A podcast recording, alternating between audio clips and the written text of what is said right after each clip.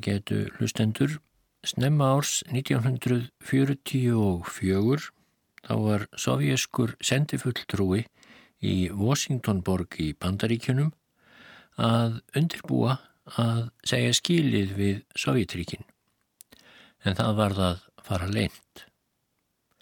Setna skýrðan svo frá hver mínúta sem ég satt í bifriðinni frá leiguherbergi mínu til Union Brautarstöðvarinnar í Washington þetta lögardagskvöld fannst mér vera örlagaþrungin og háskaleg. Jafnvel götturnar og myrkvuð húsin í Washington virtust mér fjandsamleg og ógnandi. Þá sjö mánuði sem ég hafi dvalist í borginni hafði ég oft og mörgum sinnum ekki þessa leið léttur í skapi án þess að veita umhverfinu nokkra sérstaka eftirtekt en í þetta sinn var allt öðruvísi. Í þetta sinn var ég á flotta. Ameríska fjölskyldan sem ég bjó hjá í Washington hafði verið vingjartleg og alúðleg við útlendingin sem hún hýsti. Þegar ég vektist einu sinni hafði hún hjúkrað mér með hispurslausri umhyggju sem var fúslega látin í tjef. Það sem hafði byrjað á fjárhagslegum viðskiptum engöngu hafði breyst í vinsamlega umgengni og erfileikarnir við að gera sig skiljanlegan vegna málfarsins jöku bara eftirvæntinguna. Ég fann að þessir ágætu vesturheimsmenn vildu með því að koma vingjartlega fram við einn rúsa sem þjáðist af heimþrá, þá vildu þeir láta í ljós þakklæti sitt við alla rúsa, þessa hraustu bandamenn sem höfðu stöðvað framrá sinna sigursælu þjóðverja á þúsund milna vikstöðum og voru nú að hrekja þá tilbaka. Hver sigur ráðstjórnaríkjana í styrjöldinni var talin mér persónulega til gildis. En nú var allt breytt, nóttin var köld, ekki sást til stjarnar og ég var á flótta. Mér hafði lengi verið ljóst að þessi úrslita stund var óumflíjanleg. Ég hafði undirbúið flóttan í marga mánuði. Ég hafði skoðað hann sem laust úr völundarhúsi hræstni, gremju og samviskubits sem ég hafði reykað um í mörg ár. Hann átti að vera yfirbót mín fyrir þær svífyrðingar sem ég var sagbitin af sem einn úr henni ráðandi stjett Sovjetrikjana. En nú, þegar ég var að flýja, þá greip mig engin fagnuður, engin tilfinningum nýtt frelsi Í mér var sársökafullt tóm þar sem ótti og sjálfs ásakanir bergmáluðu svo hátt að allir sem komu nálagt mér hlutuð að geta hýrtað. Ég er að skera sundur rætur lífsmýns, hugsaði ég með mér og það verður ekki aftur tekið. Í nótt breyti ég mér í mann sem á ekkert föðurland, enga fjölskyldu og enga vini. Aldrei mun ég framar líta andlit, þrýsta hendur, nýja hlusta á rattir ættingja minna og vina, fólks sem er hold af mínu holdi og bein af mínum beinum. Það verður eins og það fólk sé dáið og þess vegna er eitthvað dýrmætt í mér dáið. Þessi söknuður mun fylgja mér alla æfi, þessi ræðilegi tómleiki sem ég er nú að kalla yfir mig og að því er tekur til föðurlandsmýns þá mun ég verða útlægi og úrrak. Stjórn svo sem ég fórnaði trúnaði og striti æfiminnar fram að þessu mun þegar í stað dæma mig til dauða. Leini þjónustumenn hennar munu ættíð sækjast eftir lífi mínu. Þeir munu rekja spór mín og standa á verði fyrir neðan glukka mína. Og ef húsbóndið þeirra fyrir skipar, Jósef Stalin, þá munu þeir ráða mér bana. Sá sem hér talaði hétt Viktor Kravchenko og nokkrum árum eftir að hann sagði skilið við Sovjetríkin eða árið 1947 þá gaf hann út bók um æfi sína í Sovjetríkinum.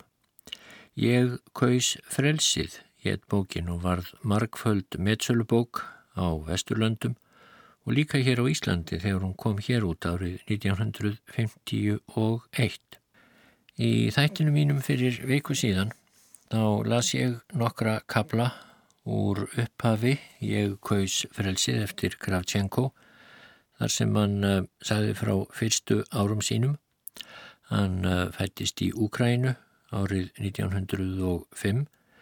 Fadir hans var uh, byltingarmadur, ekki kommunisti en tilherði þeim sem vildu bylta stjórn keisarans og þar lauk frásögninni sem ég las fyrir viku að fyrri heimstyrjöldin var skollin á og komið fram á árið 1916 og í þessum þætti ætla ég að halda áfram að glukka í þessa merkilegu bók.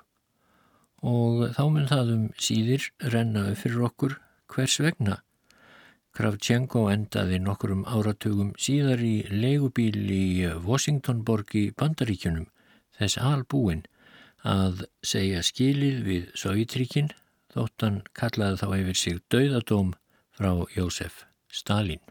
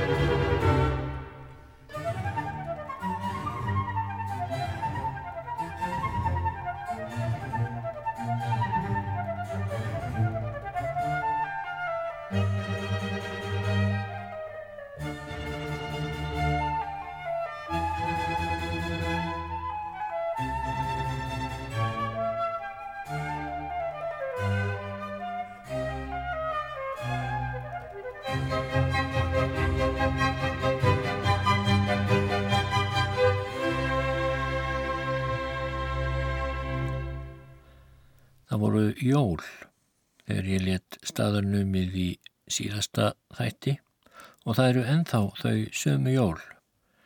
Pappi stóð á fætur, fallegur og alvarlegur að vanda og sagði Ég legg til að við drekkum hill allra þeirra sem í nótt sitja innan múra fangelsanna. Vegna andstöðu við stjórn keisarans verði trú þeirra og mín á betra líf að veruleika. Amma kvíslaði, Andrei, ekki þegar börnin heyra, en hún drakk skálina með hinnum.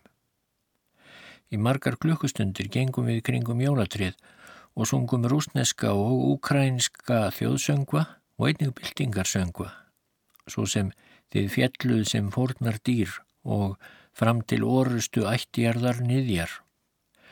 Grammafót með gríðarstórum lúðri var eitt af sönnunargögnunum um bættan fjárhag fjölskyldunar þegar þarna var komið sögu. Og börnin dönsuðu eftir glimjandi lögum.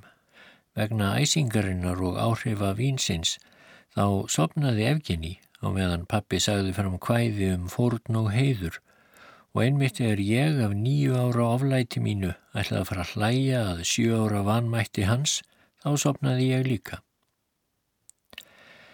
Ég fór svo aftur til Ava og Ömmu í Aleksandrovsk og var þar í áttján mánuði viðbót til loka skóla ársins 1916 en þá lauk undirbúning skólagönguminni. Lokaprófið var mér sannarlega minnistætt, þótt skóla slíta aðtöfnin og ræðurnar væru langar og leiðinlegar.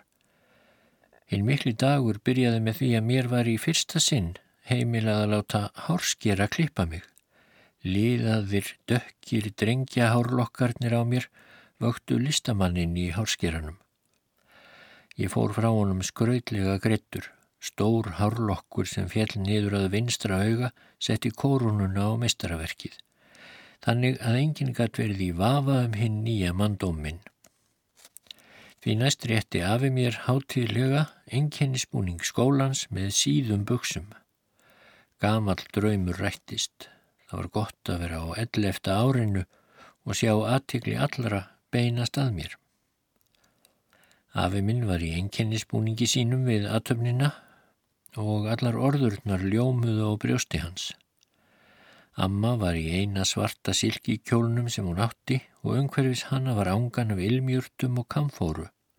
Sjúra frænka var þar auðvitað líka og einnig mitt í að frendi minn. En við þetta bættist að um kvöldið kom yngri bróðir föður míns, Pétur frendi, öllum að óvörum, heim í Orlof frá Víkstöðunum.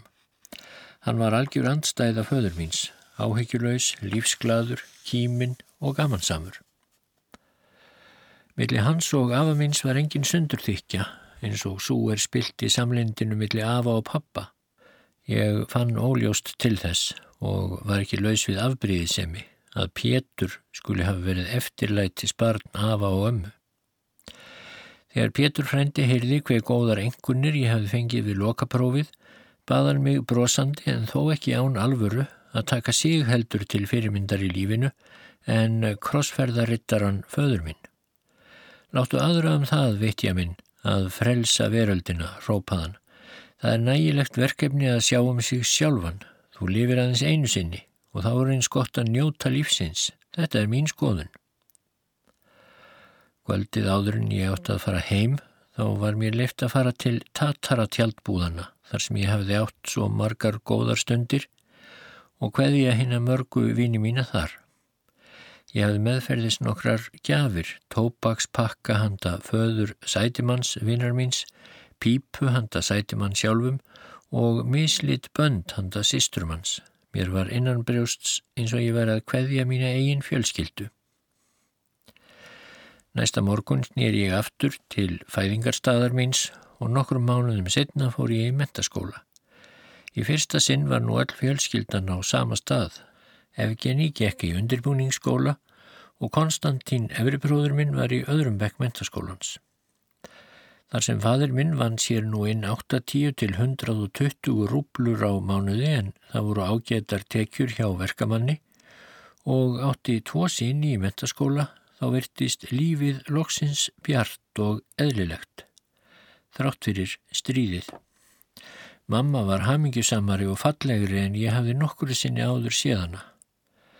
En pappi sem var að eðlisfari dáltið nöldrunarsamur var órólegur undir kyrru yfirborðinu. Honum var kunnugra en okkur hinnum um þau storma skí sem dró saman á hinnum rúsneska heimni. Og svo gekk veturinn 1916 í gard með íllum fyrirbóðum um endarlokk keisaradæmisins. Tilfinningin um væntanlega óhamingju fór að seittla eins og þvöl þoka um daglegt líf okkar. Styrjöldin gekk mjög illa og kurr þjóðarinnar varð augljósari og þrálátari. Það var ekkert lendarmál að hermenn gerðust liðhlaupar hópum saman á vývallunum og ægin í hernum var að fara í móla. Jafnvel í Jekatrínoslav heyrðist allstaðar óljós orðrómur um óhugnanlegan munk sem hétt Rasputín, um fjársvik á herri stöðum um upplaup vegna hungurs og þjóðverja vini við hyrð keisaradrottningarinnar. Kennararnir okkar gerðu naumast tilraun til að stöðva byltingartal eldri drengjana og vinir pappa töluðu hljóðlega með ákafa í röttinni um að koma fjöldanum, alþýðunni, á hreyfingu. Eftir langan vinnudag á verkstæðinu gafst föður mínum valla tími til að þvó sér, borða og njóta kvildar vegna fundahalda, umræðina og skýrsluna frá sendimönnum frá Petrograd eða Kíef. Heimilu okkar var nú oftar en nokkuru sinni áður viðkomustöð fyrir flóttamenn frá Sýberju og útlegðar stöðunum nýrst í Rúslandi. Hvað eftir annað vorum við börnin rekin út úr dagstofunni þar sem alvarlegir yðnverkamenn og mentamenn staðarins sátu klukkustundum saman og rættust við fyrir luktum dyrum. Síðdegi stagn okkur komu foreldrar mínir sem höfðu farið út til að hitta vinsinn, Paramanov, sem var nýflúinn úr fangilsinu. Þau komu heim í uppnámi. Móður mín grét en fadur mín beit á jakslinn. Paramanov var einn af sjóliðunum á beitiskipinu Potemkin sem komu af stað upp reysnárið 1905 og hann var því í augum okkar þjóðhetja. Hann var guðfaðir uh, Jefgenís, yngra bróður míns. Næstu daga var mér smá saman ljóst hvað gerst hafði og geimist svo saga mér í minni sem tákn fórnar viljans. Bekkur við afskektan stíg í listigarði bæjarins hafði verið valinn sem stefnumótstaður og nokkrir af félögum sjóliðans mætt honum þar. Þeir höfðu ekki verið saman um að fá einar mínútur þegar nokkrir ókunnir menn gengur þar framhjá og letu sem það væri af tilviljun. En Paramonov grunaði að þetta væri óenginnisklættir lögreglumenn, hann kvatti í skyndi félaga sína og hljóp gegnum runnana í vonum að geta klifrað yfir girðingu og sloppið burt. En rétt á eftir heyrðu vinir hans skampisskot, flótamadurinn, þjóðhetjan okkar, var fallin. Þrátt fyrir annir sínar gafst föður mínum tóm til að dveljast mörg kvöld og einstakasinnum á sunnudögum með svonum sínum þremur. Við lásum þá saman bækur, til dæmis eftir Hertzen, Tolstói og fleiri skáld. Pappi var vanur að taka einhverja setningu úr bókunum sem texta og skýra þannig skoðanir sínar um frelsun Rúslands og frelsi mannana. Einn brennandi og ef til vill fjärstæðu kjönda hugssjón hans hræði mig djúft. Hún var eins konar trúartilfinning. Um þetta leiti barst ég fastum vináttuböndum við skólabróður minn, Spiridónof, það nafni. Hann var svonur eins af mentaskólakennurunum og oft kom ég á heimili hans. Þar kynntist ég fyrst heimili mentamanns, þar sem bókmyndir, hljómlist og leikús voru jafn raunveruleg og enn þýðingar meiri raunar en brauð og vinna. Spiridónof eldri beindi lestrarfísn okkar inn á breyðari brautir. Ekki aðeins til síkildra rúsneskra höfunda, heldur einnig til reyta eftir Shakespeare, Goethe, Anatole Frans, Knut Hamsun, Viktor Hugo, Flaubert, Sola og Dickens. Þegar ég líti aftur er ég hissa á því hver mikið ég las og margvíslegt á þessum vor tíma sálar þroska míns. Á einhvern háturðu fegurð og hátíðleiki bókana á samt háflegum vonum föður míns, einn þáttur í bildingunni, eins og hún dundi yfir 11 ára gamlan dreng. Það var eins og á fáum vikum væri byggð brú yfir gjána millir bókmenta og veruleika, millir orða og gerða. Óveðrið skall svo á í síðustu viku februarmánadar árið 1917 eða í byrjun mars eftir vestrænu tímatali. Jafnvel þeir sem hafðu verið örugastir um að bylting myndi verða urðu undrandi og ringlaðir. Bylting sem verið hafði leinilegt og hálf ólöglegt orð hafði allt í einu orðið undursamlegur og ræðilegur veruleiki. Nánast upp úr þurru. Það sem virst hafði einföld lausn allra vandamála splundraðist nú í miljón ný vandamál og sum þeirra virtust hlægilega lítilfjörleg eins og til dæmis bara að abla fæðu og klæða. Það komst fullkomir los á allt til daglega líf. Skólar, verksmiðjur og ofinberra stofnanir mistu sitt forna gildi. Íbúar bæjar okkar söpnuðust saman á snæfi þögtum göttunum. Það var eins og heimilinn, skrifstofurnar og vinnustofurnar hefðu umtörnast og held út úr sér mönnunum sem þar dvöldust yfir torkin og listigarðana. Kröfugöngur, fánar, gleðir róp og reyði öskur, stundum líka skotkvellir og umfram allt ræður og aftur ræður og enn fleiri ræður sem breyttust yfir þetta allt saman og nær því kefðu það. Orð sem öldum saman höfðu verið innibyrð brutust nú fram í ástríðufullri mælsku, heimskulegri og innblásinni, hljómmikilli og hefnikjarnari mælsku. Loftið var þrungið af slagorðum, kjörorðum sem verðtust skapast af sjálfstáðum.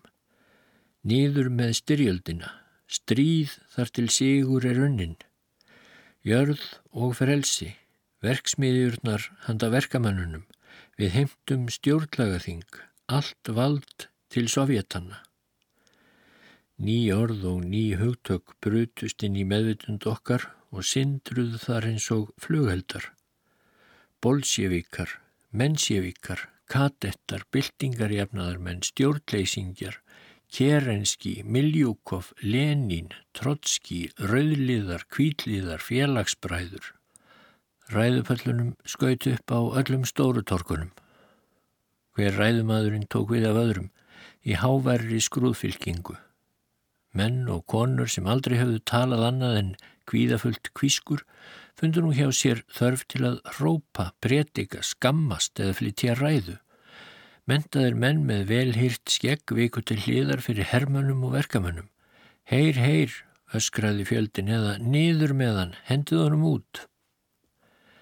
Einu sinni á kröfugöngu degi talaði fadir minn úr ræðustól undir þéttum röðum heima tilbúin að fána.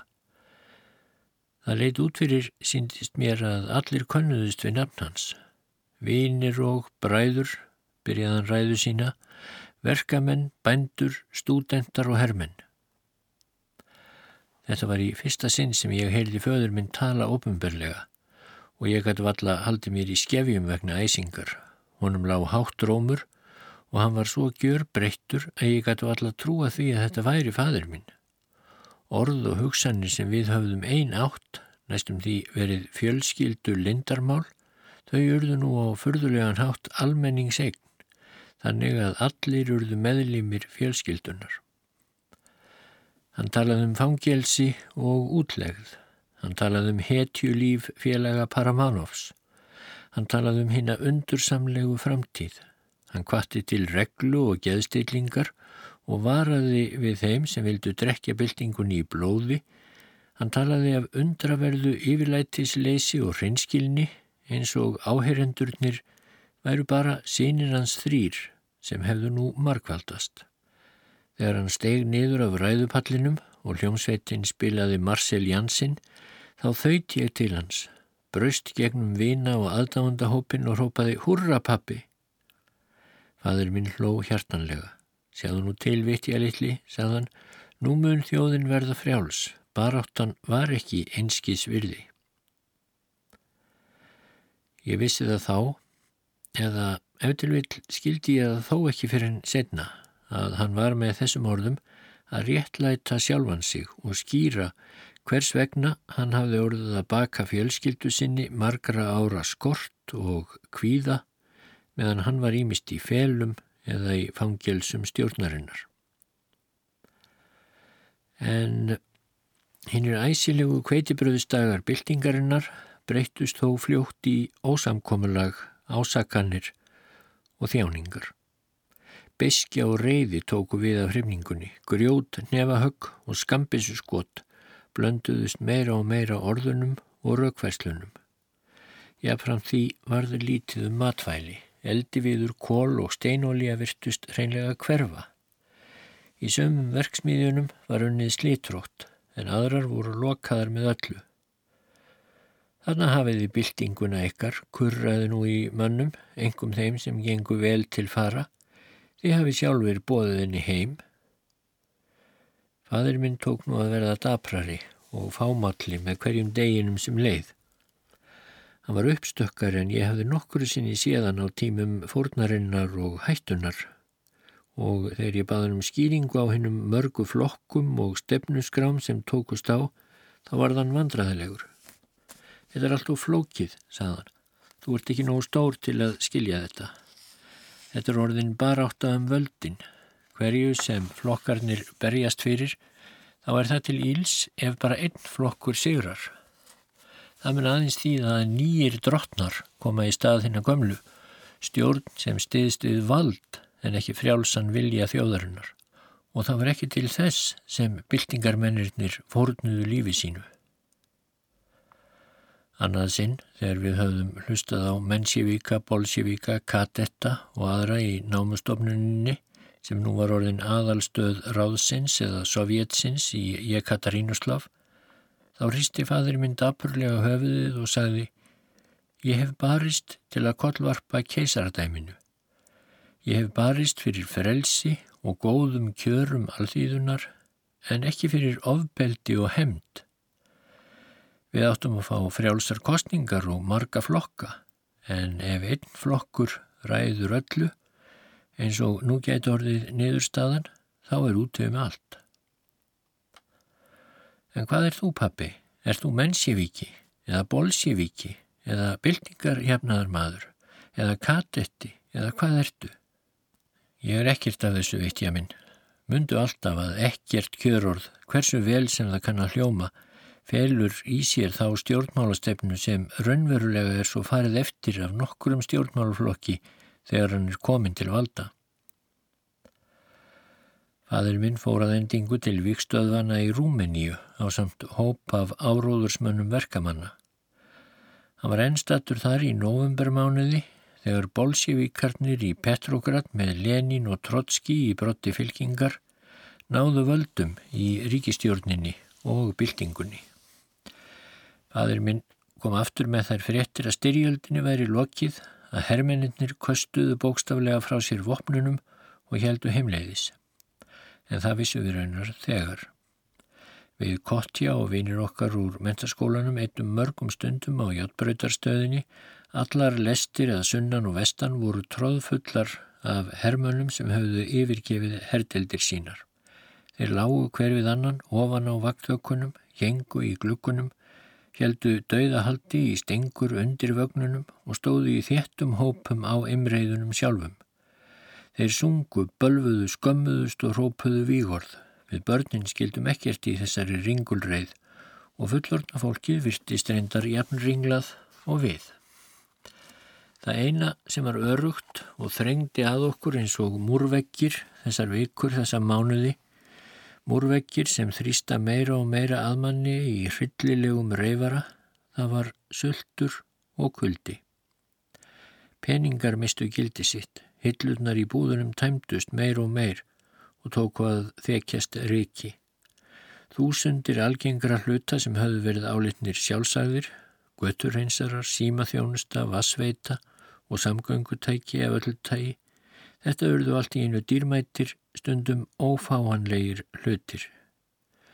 Taugaveiki tók að breyðast út. Líkfylgdirnar á hverjum degi urðu að næstum óslítinn í fylkingu. Svo lengi sem ég mann eftir mér hafði amma mín sapnað saman skorpum og brauðleifum. Brauð þetta hafði hún síðan glóðarbakað og gefið að uppóhalds klustri sínu og munaðarleysingja hælum. Nú vorum við þakklátt fyrir nýtni hennar. Nú gemdum við hverja skorpu handa sjálfum okkur. Skemtilega hlýja lampaljósið tilherði fortíðinni. Kóla, kveikur settur niður í skál með olju, var einasta ljósið á hinnum löngu vetrarskvöldum. Við flögtandi kóluljósið var ég vanur að lesa hátt fyrir ömmu mína. Hún unni rítumundunum Nekrasov, Tolstói og Turgenev. Við og við endur tók hún setningu sem henni fannst mikið tilkoma og misti þess vegna af setningunum sem á eftir fóru. Kvöld nokkurt, þegar ég var að lesa söguþætti eftir Turgenev, þá fann ég að hún greip í höndin á mér. Ég held áfram að lesa. Þegar handtakennar losnaði held ég að hún væri sopnuð og ætlaði að fara að læðast á tánum út úr herberginu til að vekja henn ekki en þegar ég leiti upp sá ég að aug og ömmu voru opinn og hún var undarlega kyrr. Brós hafði styrnað á vörum hennar. Amma, amma, rópaði ég og hitt fólkið kom hlaupandi. Dauði ömmu minnar var í minni mínu nokkur skonar hluti af byltingunni. Hún hafði verið þrek mikil kona, þar til þessa daga að hún kramdist á milli kvarnarsteinana tvekja hungurs og kulda. Við Spiridónof leituðum í margar klukkustundir um allan bæin þánga til við fundum fáinn lifandi blóm til að leggja á kistu hennar. Okkur fannst það óhæfa að bera hennar til gravar án blóma. Затихой рекою в березовой роще распустится первый весенний цветок, И я загадаю желание попроще, И перекрестившись, взгляну на восток. Окрасится небо багряной зарею, И вечное солнце над миром зайдет, зайдет и белая птица взлетит над землею, и Божье прощение с небес принесет, и белая птица взлетит над землею, и Божье прощение с небес принесет, и что-то большое откроется сердцу, такое, что жи, ой, жизнью моей не объять, и станет спокойно и сладко, как в детстве, когда обнимала меня моя мать, и станет спокойно и сладко, как в детстве, когда обнимала меня моя мать. Молитва святая, слезами прольется Христовой любовью, исполнится грусть, и в это мгновение душа прикоснется к великой вселенной.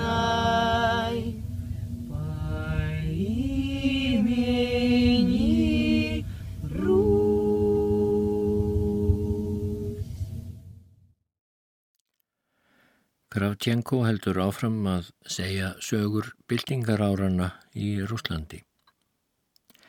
Í norðri, í hluta af hennu eiginlega Rúslandi, þá var ráðstjórnin orðin föst í sessi eftir nokkra mánuði. Í öðrum hlutum landsins og sérstaklega hjá okkur í Úkrænu þá stóð borgarastyrjöldin, grimmúðleg, blóðug, óskinsamleg í allri sinni ringulreið og oft ferleg, hún stóð yfir í mörg ár. Yfiráðin yfir Jekatrínoslav fluttust fram og aftur milli flokkana næstum því mánadarlega, stundum ofta á viku að því er manni fannst. Við hættum að reyna að leggja á minnið hver hafði æðstu völdin í bænum þá stundina. Rauðliðar, kvítliðar, grænliðar, petlúriistar, herflokkar Skóropatskís, Magnós eða Gríkorjefs. Um tvekja mánada skeið herrnámið þjóðverjar bæin, svo hörfuðu þeir og innlendu herflokkarnir sem börðust um völdin, flestir tötrum klættir og allir skeitingarlausir um eigið líf og annara, ættu fram og aftur um hrjáðan bæ okkar. Einstakar myndir geimast í minni mínu eins og blöð sem rifin er úr bók. Tveir hermenn í enkennismúningi keisarans þeistu niður eftir púskintorkinu í námynda við hús okkar, eldir af tveimur kynverskum rytturum, öðrum sveiblandi sverði en hinnum með rifli. Ryttarinn með rifilinn stöðvar hestin skindilega, miðar og hleypir af. Annar kvíliðinn í keisarabúningnum fellur framfyrir sig og hestur hans nefnur staðar. Hinn herrmaðurinn stansar til að hugaði félaga sínum og meðan nær hinn kynverjinunum. Kynverjin sveiblar sverðinu villimannlega og rekur upp óurlegt öskur. Ólöguleg hrúa af blóðugu kjöti fellur niður á götugrjótið. Það likja tvö lík síðan kynlega friðsamleg í henni skyndilegu þögn. Og einu sinni vorum við kottja að ganga okkur til hressingar og rættum í ákafa um bók sem við höfum verið að lesa saman. Á göngunni komum við til Gordjanov stöðvarinnar sem var í hinumenda bæjarins. Nóttina áður hafði ekkert látorðið á skotríð en við vissum ekki hverjir höfðu ástar við. Nú sáum við að lík voru dreifið um alla játbreytarstöðina. Játbröytarlest full af þýskum hermönum stóðu kyrra á játbröytarteinunum. Margir þjóðverjar klættir í skjólfött og hlæjandi ruttust meðal líkana. Rétt við hrú af líkum stóðu nokkrir þýskir hermenn og áttu smurt brauð og drukku kaffi. Hver einn og einasti þeirra kvíldi annan fótinn á einhverju líkana. Síðurlega kvölds einu sinni heyrði ég háfaða fyrir utan húsið okkar. Ég hljóp út af forvitni. Snjórin glitraði í tunglskininu og einhver staðar gelti hundur. Allt í einu hljóp hár maður fram hjá mér og rópaði ósiðsamlega orð eins og hann væri drukkin. Nokkrum augnablikum síðar kom fjöldi manna hlaupandi, sveiblandi stöfum, hnífum og riflum. Ég stóð kyrrt á litla stund og hlustaði á skotkvelli í fjarlægð og óp sem röfuð þögn nætturinnar. Og næsta morgun töluð allir um þessa eftirför og um að stígamannafóringin Bjelopska eða Kvíthöttur hafi verið eldur á hlaupum um allan bæin og að lokum umkringdur í liðargötu og skotin til bana af rauðliðum. Það leiði valla nokkur dagur í bænum á þess að heyrðust hræðilegar sögur um blóðbað í gýðingakverfunum, bankarán, árásir á játbrötarlestir. Sérkver ný stjórn sem náði völdum í bænum kallaði fyrirrennara sína glæpamenn og brátt koma því að það nafn væri notað um hana sjálfa. Í veiku eða eftir við lengur voru allir í uppnámi út af eh, herrstjóranum Magnó eða stjórn Anarkista sem hafi búið um sig í Jekatrínoslav en því næst komuð rauðliðarnir aftur og þá var eins og Magnó hefði aldrei verið til. Það er ekki auðvelt að rifja upp þetta tímabil eins og það kom mér fyrir sjónir í esku. Endurminningin hefur breyst við síðari þekkingu og skilning sem ég hef öðlast. En svo förðulega staðreind þegar litið er tilbaka er að í óróa borgarastyrjaldarinnar óreglu og öllum þeim hættum sem að okkur stedjuðu, þá var hinnu daglega lífi einhvern veginn lifað. Við störfuðum, stunduðum nám, borðuðum, sváfum, lásum og hlóum jöfnvel. Við bundum sníum vináttuböndum og gerðum jöfnvel áætlanir um framtíðina. Óróin og ringulreiðin urðu einhvern veginn þekkt og eðlileg, næstum því sjálfsögð fyrirbyrgði. Þau urðu að nýri undirstöðu sem daglegt líf okkar kvildi á. Því lífið og viljin til að lifa var sterkara en allt ofbeldi. Og svo kom símskeiti frá Aleksandrovsk. Það var undirrittað af sjúru frængu.